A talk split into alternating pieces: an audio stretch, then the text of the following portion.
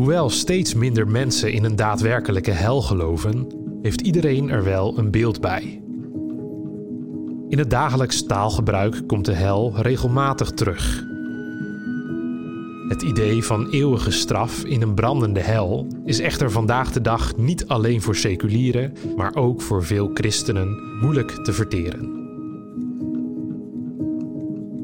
In vier afleveringen denken we in deze podcastserie na over de vraag: wat is christelijk denken en spreken over de hel in deze tijd?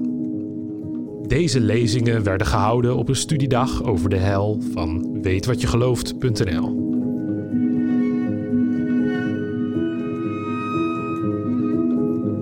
Een gloeiende bakoven vol liefde.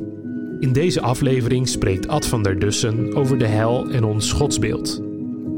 Ad van der Dussen was tot 2019 docent systematische theologie aan de Nederlands gereformeerde predikantenopleiding. Ik sta hier als een puur 21ste eeuws mens en christen en zal dat toelichten. Een jaar of wat geleden overleed mijn enige broer. Hij heeft zelf een einde aan zijn leven gemaakt. En in de reacties die ik daarna kreeg, heel veel en heel warm, daar trof ik er een aan van een vriendin die zei bij alle andere dingen die ze zei, en één ding Ad, nou niet gaan tobben waar die is, hè?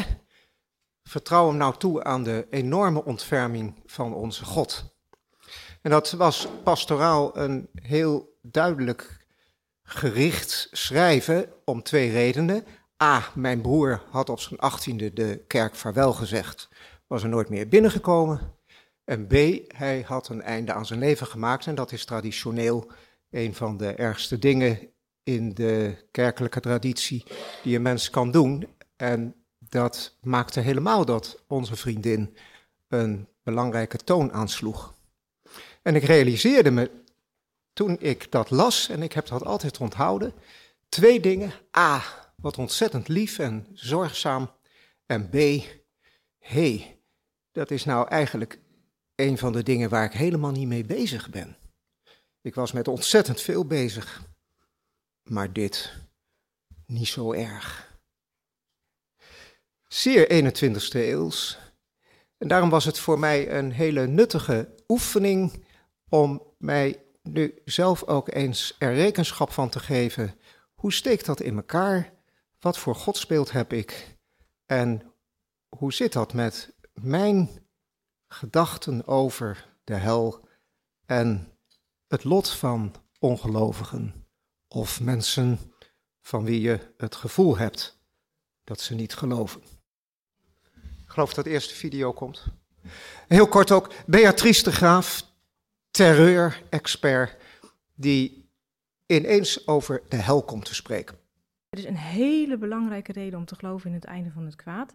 Die werd laatst uitgesproken door Lilian Ploemen. Heel onverwacht in de talkshow bij Pauw, een tijdje geleden. Tweede Kamerlid van de PvdA. Ja, en uh, voorheen minister. Ja, toen zei Pauw, uh, weer op zijn pauze, hm, geloof je eigenlijk nog? En zei ze, ja, en ik hoop dat er een hemel is en ik weet het bijna wel zeker. Pauw, oh, hoe zou dat dan? Ja, zegt ze, want dan is dat is eindelijk de plek. Of ik, ik hoop en ik weet zeker dat er een, uh, een hel is, zei ze. Een hel is, want dan worden eindelijk al die misdadigers die er in dit leven zo goed van afschijnen te komen, die worden bestraft. Ik denk, ja, en dat is ook een hele bijbelse notie. Dat voor Gods troon staan de martelaren. Dat zijn de vrouwen en kinderen in, in, in het wit, de mensen die in bloed hebben gebaat in dit leven en die zullen worden hersteld in hun eer en hun recht en zullen krijgen wat hen toekomt. En dat is natuurlijk een hele belangrijke notie, dat voor de slachtoffers uh, te weten dat er recht en gerechtigheid is. Het gaat mij om dat punt van recht en gerechtigheid dat helemaal niet nieuw is, maar dat wel goed door Beatrice tevoorschijn wordt gehaald. Je vindt het al in de Nederlandse geloofsbeleidenis in 1561. En je vindt het ook heel uh, treffend geformuleerd bij Harry Kuitert in 1997, die toen zei: Als er geen laatste oordeel zou zijn en bestraffing door God, dan zou de beul een eeuwige voorsprong hebben op zijn slachtoffer. Het is natuurlijk geen toeval dat iemand als Beatrice de Graaf, die altijd maar bezig is met zulke soort monsters als van IS en Anders Breivik dit naar voren haalt. Omdat onze menselijke behoefte aan gerechtigheid zo sterk is dat het eigenlijk niet te verdragen is dat het menselijk rechtsapparaat tekortschiet en dat nazi's een genoeglijke oude dag hebben in Zuid-Amerika en dat Assad met zijn gifgasaanvallen wegkomt en in zijn paleis blijft zitten. Dit raakt het Bijbelse godsbeeld, want in het Oude Testament en niet minder in het Nieuwe vind je dat dat recht doen ook een van de kerndingen is die je van de Heere God mag verwachten. Ik citeer Psalm 58 uit de Bijbel in gewone taal. Als de slechte leiders gestraft worden, zijn goede mensen blij. Want er moet een einde komen aan het kwaad. Dan zal iedereen zeggen: goede mensen worden beloond. Er is een God die eerlijk recht spreekt op de aarde. En op dat laatste zit het. Want is dat wel zo? Nog niet. Dat is helder. En dus staat alle verwachting nu in de richting van het laatste oordeel. Dat is de laatste kans voor God, menselijkerwijs gesproken, om recht te doen op aarde. En als dat zou wegvallen, als we het laatste oordeel en de helse bestraffing met een ferme streek zouden schrappen, dan brengen wij dus ook een enorme slag toe aan onze verwachting dat God ooit nog recht zal doen op aarde. Daarmee ga ik naar het tweede punt. De eigenschappen van God zoals wij die kennen van rechtvaardigheid en heiligheid. Het lijkt simpel, ah, Gods rechtvaardigheid, dus hij bestraft de boosdoeners. Dat gaat iets te snel, omdat in de Bijbel het woord gerechtigheid van God eigenlijk niet primair een betekenis heeft van dat er straf komt. Het is veel meer een begrip waar je blij van wordt. God doet recht op aarde. In de Bijbellezing daar straks heeft Almartine Psalm 103 gekozen. Trof me, zoals het daar staat, de Heer doet wat rechtvaardig is. Hij verschaft recht aan de verdrukte. Daar gaat het om, primair. Hij verschaft recht aan de verdrukte. Dat is rechtvaardigheid.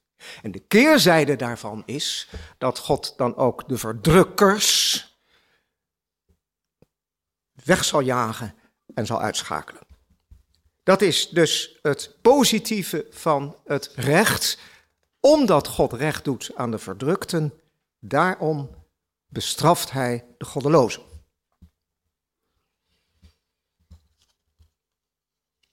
Gods heiligheid, die wil ik hier ook noemen als een van de eigenschappen waar het om draait als wij het hebben over dat God het recht handhaaft en de goddelozen zal straffen. Die heiligheid van God is een begrip met erg veel kanten. Ik haal er nou één uit en dat is dat God zo heilig is dat hij het kwade niet verdraagt. Dat staat in Habakkuk 1 heel treffend. Uw ogen zijn te zuiver om het kwaad te kunnen aanzien, de ellende te kunnen verdragen. Het niet verdragen dat er onrecht op aarde is, dat verdrukten worden gepest en weggedrukt. Dat niet verdragen is kenmerkend voor God. En dat wordt vaak uitgebeeld door het beeld van het vuur. Heel treffend in Daniel 7, dan wordt beschreven hoe God troont op een troon van vuur.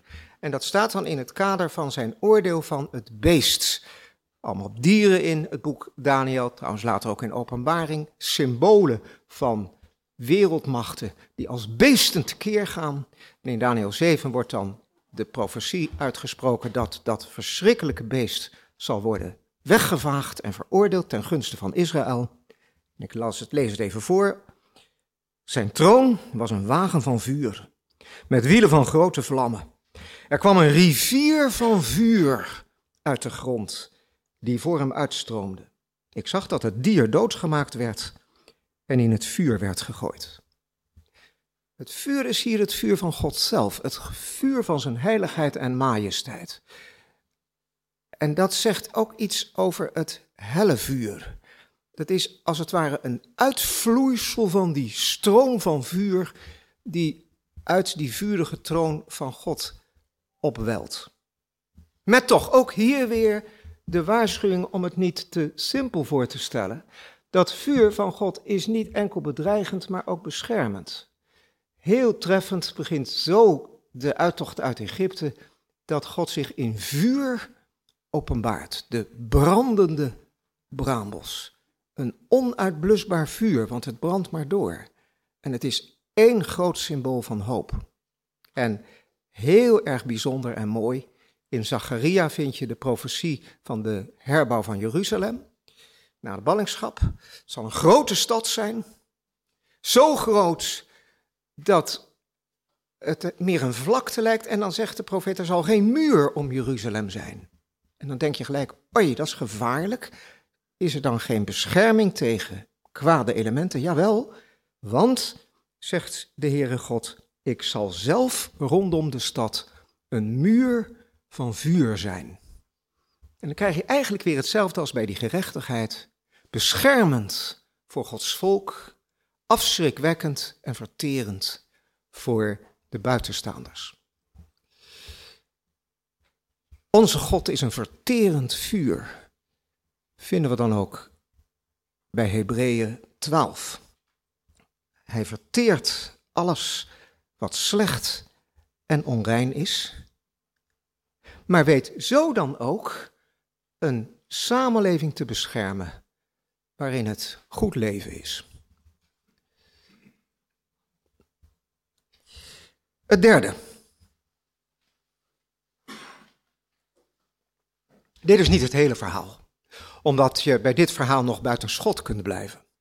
Als bewoner van die mooie stad. Bij het spreken over de hel heb je altijd het risico dat je als het ware op een tribune plaatsneemt, kijkt naar de wereldgeschiedenis, ziet wat er zich in de wedstrijd afspeelt en gaat applaudisseren als de boosdoeners worden gestraft en ach en wee roept als de goeden worden verdrukt. Maar dat is niet het hele verhaal. Wij worden van die tribune afgejaagd, want wij doen zelf mee in de wedstrijd. Iemand vraagt aan Jezus, Lucas 13, Heer, is het waar dat er maar weinig mensen gered worden? Dat is een vraag vanaf de tribune. En dan sleurt Jezus hem van die tribune af en dan zegt hij, luister naar mijn woorden, de deur naar Gods nieuwe wereld is klein, dus je moet erg je best doen om binnen te komen. Wat? Jij ja, jij die vraagt, zijn het er veel of weinig? Ga jij maar eens heel erg je best doen vroeger in de vroegere vertalingen, strijd om in te gaan. Dat betekent dat het er voor onszelf om gaat spannen. Voor die mensen die, zoals die vragensteller, wel rekent met het gericht over de goddelozen. Of daar benieuwd naar is. En in dit kader vind ik Matthäus 25 intrigerend omdat daar niet naar het hellevuur worden verwezen de IS-beulen en de nazi's, maar die mensen die slechts hebben nagelaten om een beker koud water aan te bieden aan de dorstigen. Niet meer dan dat. Een nalatigheid. Geen duivelse daad maar een soms begrijpelijke nalatigheid. Vergelijk het met wat we een paar weken terug hadden, dat premier Rutte excuses aanbood in een Auschwitz-herdenking voor het meelopen van de Nederlandse autoriteiten en een aantal Nederlanders in de Tweede Wereldoorlog. Dan heb je het niet over de schandalen van de nazi's, maar over het onvoldoende positie kiezen daartegenover. Dat is wat Jezus hier aan de kaak stelt en zegt, ja, jullie hebben nagelaten om mij te bezoeken toen ik in de gevangenis zat. Naar de hel met jullie. Dat is een patroon dat je veel in de evangelie vindt, dat naar verhouding klein mankementje wordt gerelateerd aan het allerergste wat er is, het hellevuur. Extreem in de bergreden, waar we die bekende tekst vinden van als je tegen je broeder zegt leeg hoofd, dan verval je aan het hellevuur, aan de Gehenna. Nou, dan is die echt helemaal vol natuurlijk. Wat is hier aan de hand? Eigenlijk twee dingen. Het eerste is wat de Amerikaans-Duitse theoloog Paul Tillich heeft genoemd ultimate concern. Ik sta even Matthäus 18 over, dat is een vergelijkbare tekst, de uh, gelijkenis van de vergeving. Wie niet vergeeft, die wordt veroordeeld. Tillich spreekt van ultimate concern. Dat vind ik een prachtige uitdrukking die iets aanduidt van het spant erom. We maken ons druk om de dingen waar het ook echt om gaat. Om de zeer weinige dingen die echt de moeite van het je druk maken waard zijn. Ik denk hierbij, als je een voorbeeld wil hebben aan Greta Thunberg. Even afgedacht van het thema van waar ze zich druk om maakt, de klimaatcrisis. Maar haar ultimate concern. Dit is wat nu aangepakt moet worden. Nu is het er op of eronder. Dat is ultimate concern. En dat is eigenlijk wat Jezus doet door onder zijn geboden om lief te hebben, te vergeven, je de ander niet te haten en niet uit te schelden, om je te bekommeren om de verdrukten en de zwakken. Dat is wat er gebeurt, dat Jezus legt daaronder dus dat allerergste en dat allerdreigendste. Alsof hij wil zeggen, dit is waar het op aankomt. Maak je hier alsjeblieft druk om, want al het andere is in verhouding daarmee niet de moeite waard. En dan het tweede, dat is dan veel inhoudelijker, dat is dat de liefde voor Jezus dus het ding is waar het op aankomt. En dat als je niet lief hebt, dat dat gelijk is aan duisternis. Heel scherp geformuleerd in die eerste brief van Johannes. Wie haat, is in de duisternis. Ik geef als illustratie het slot van de gelijkenis van de verloren zoon. Met het open einde van de ene zoon die binnen is en de andere die buiten staat. En hij staat niet alleen buiten, maar hij loopt stampvoetend buiten. Want hij ergert zich dood aan dit krankzinnige thema dat de vader zijn jongste zoon welkom heet en met geschenken overlaat, enorm feest viert. Hij blijft buiten en de vader zegt, waarom kom je niet binnen? En hij zegt, ik pijnst er niet over. Dit is niet aanvaardbaar.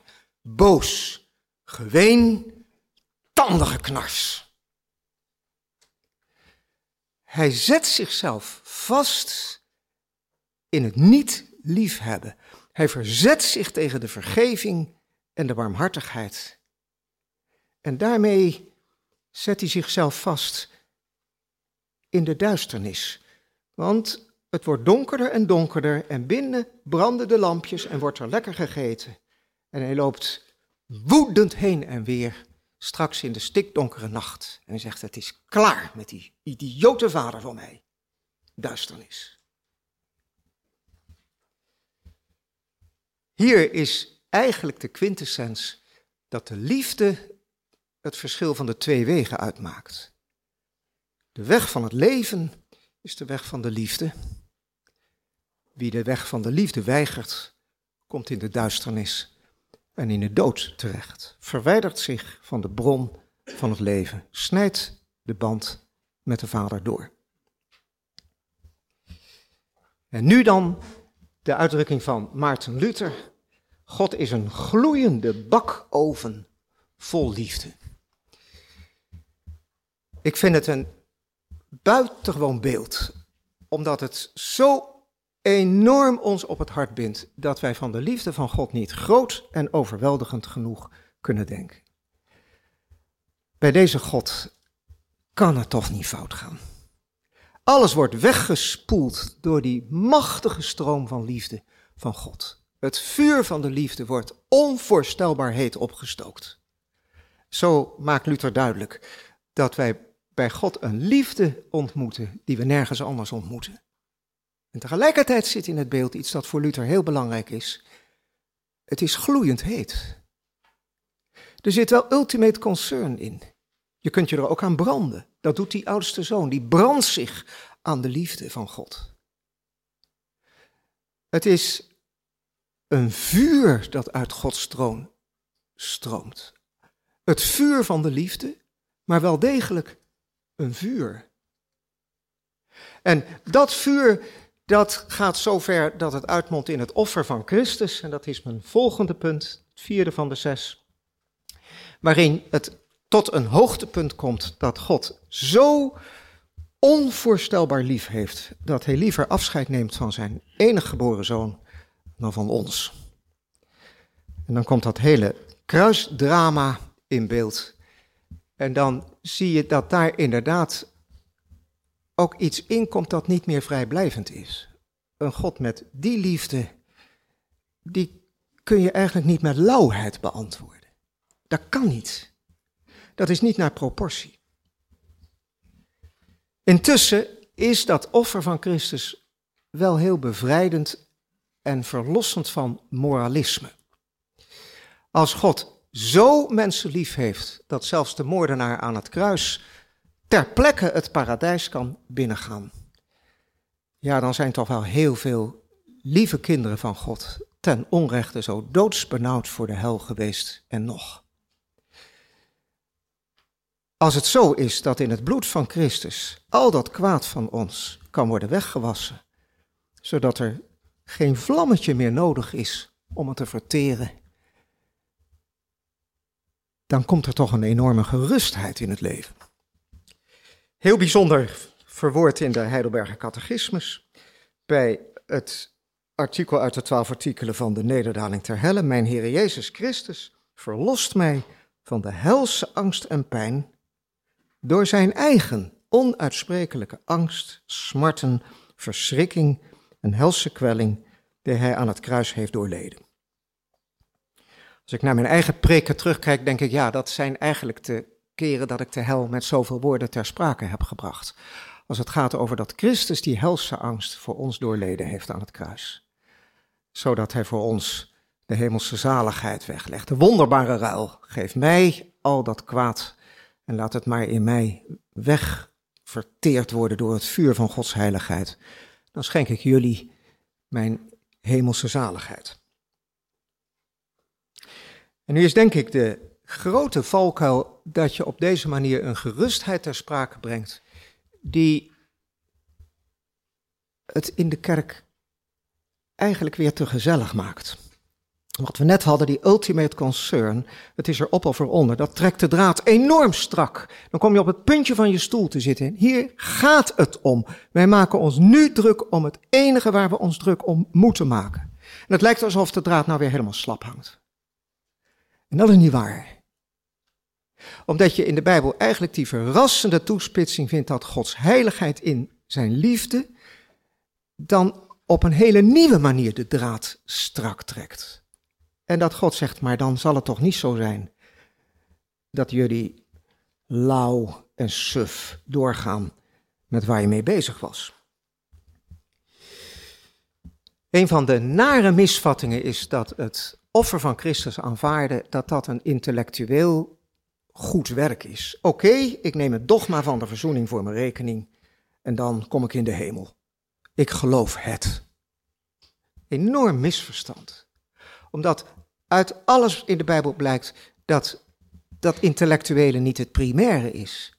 Primair is dat je je gewonnen geeft aan de liefde van God. Laat u met God verzoenen. Werp je in zijn armen. Duik in dat vuur. In het vertrouwen dat je niet verteerd wordt, maar dat je gelouterd wordt tot een mens die ook lief heeft. Het offer van Christus aanvaarden betekent dat je je toevertrouwt aan de liefde. Dat je je laat veranderen door de liefde. Dat je je laat louteren door de liefde. Dat je gelijkvormig wordt aan het beeld van Christus. En dat dezelfde geest die de Hemelse Vader heeft gedreven om zijn zoon prijs te geven, in ons gaat gloeien. Dat is het evangelie waarmee het Nieuwe Testament ons de wereld inzendt. Dat is het evangelie waarmee de kerk de draad heel strak spant. Hier komt het op aan. Dat wij de vervreemding van God en van Gods liefde, dat wij die overwinnen. Dat wij terugkeren naar Hem en terugkeren naar dat vuur.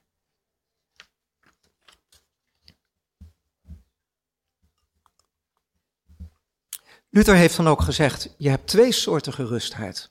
De ene gerustheid, die is die van de vakantieganger aan de Turkse Riviera.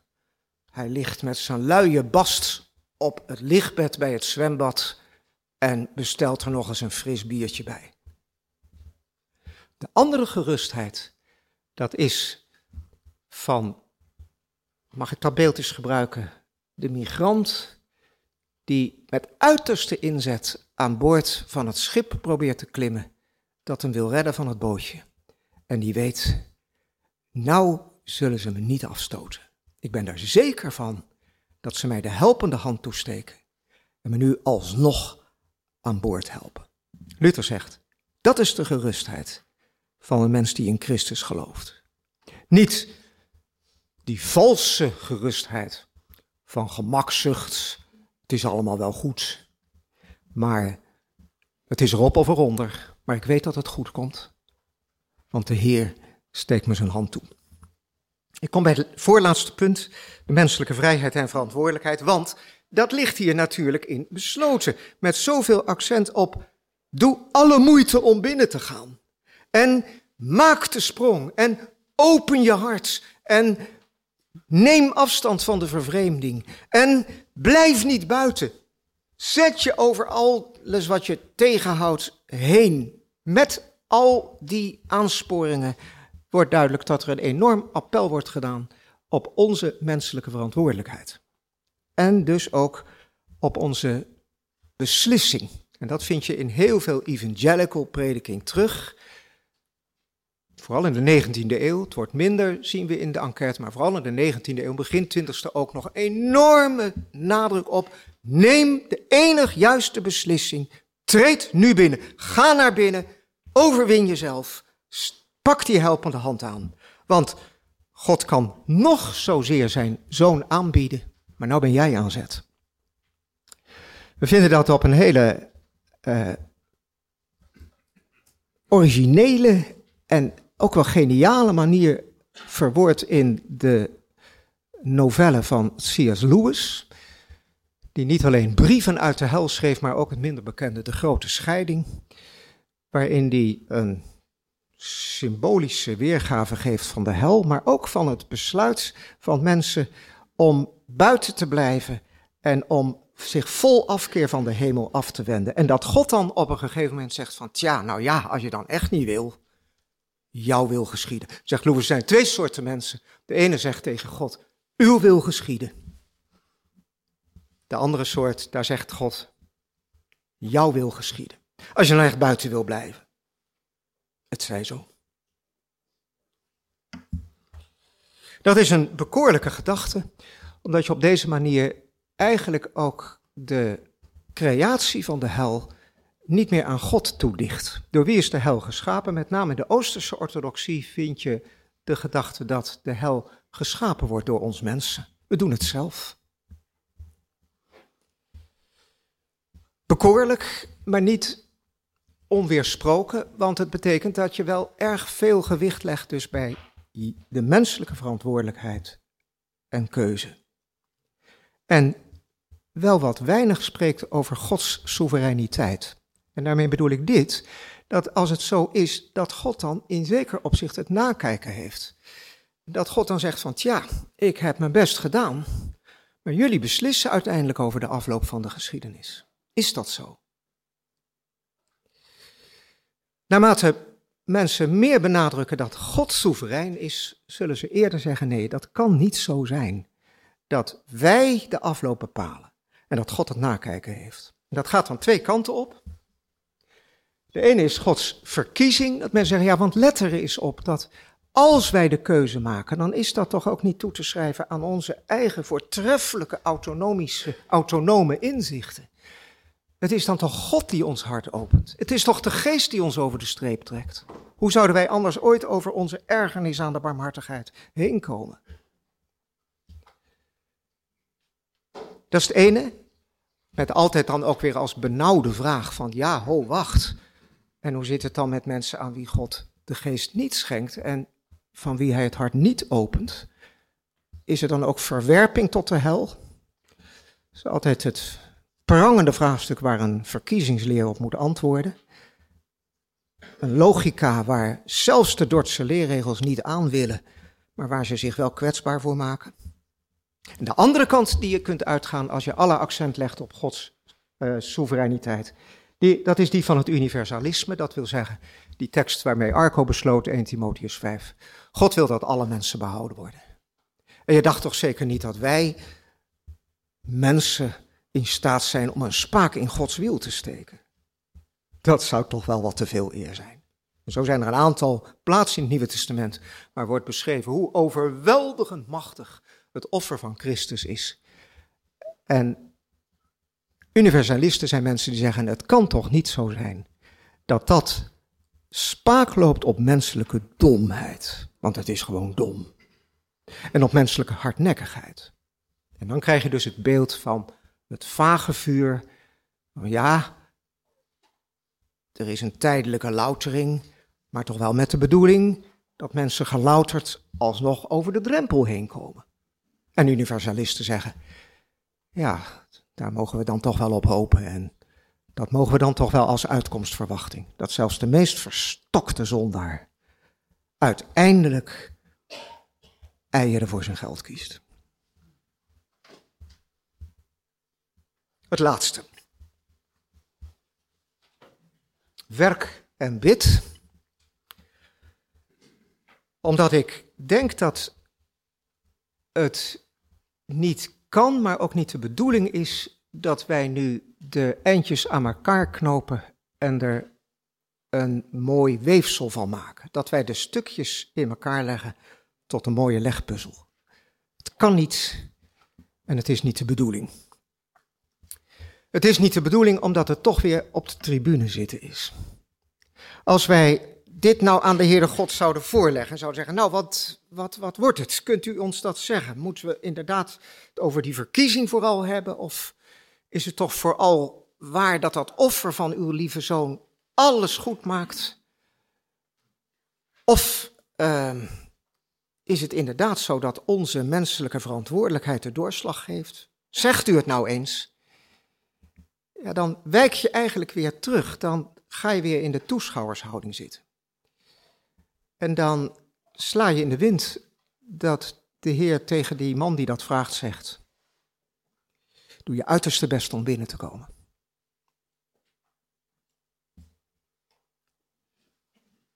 Maar het kan ook niet.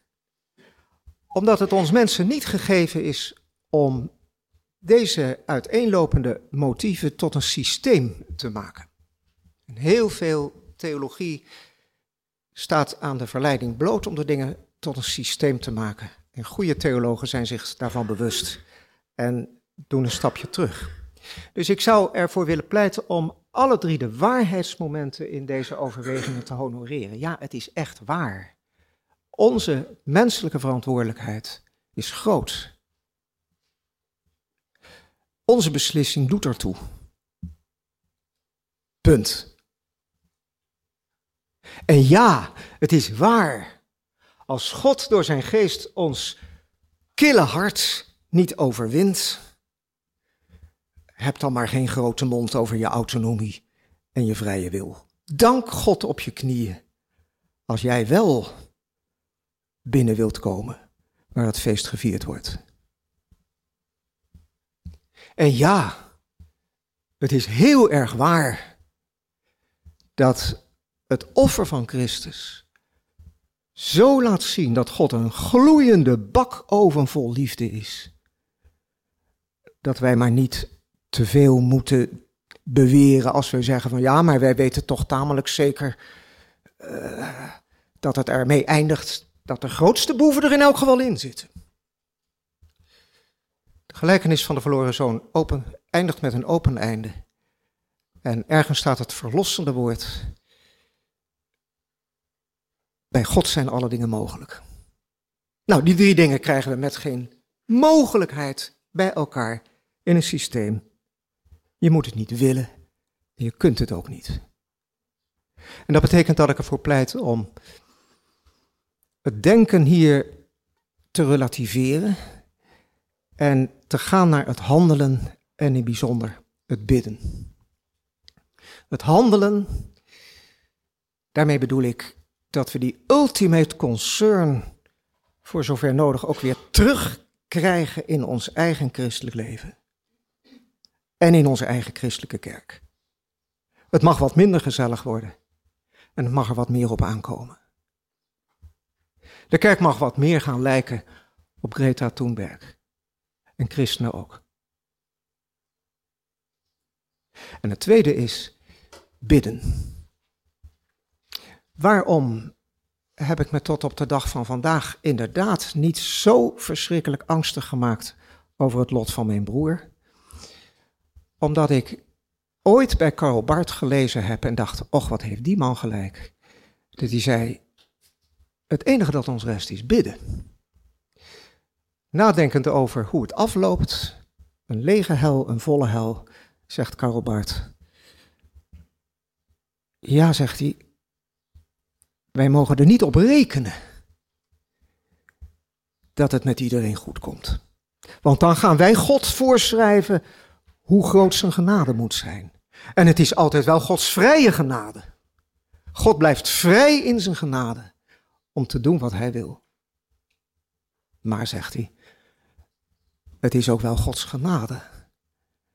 En als God dat zou willen, dan maakt hij het voor iedereen helemaal goed. Je mag er niet op, op rekenen, maar je mag erop hopen en erom bidden. Dank u.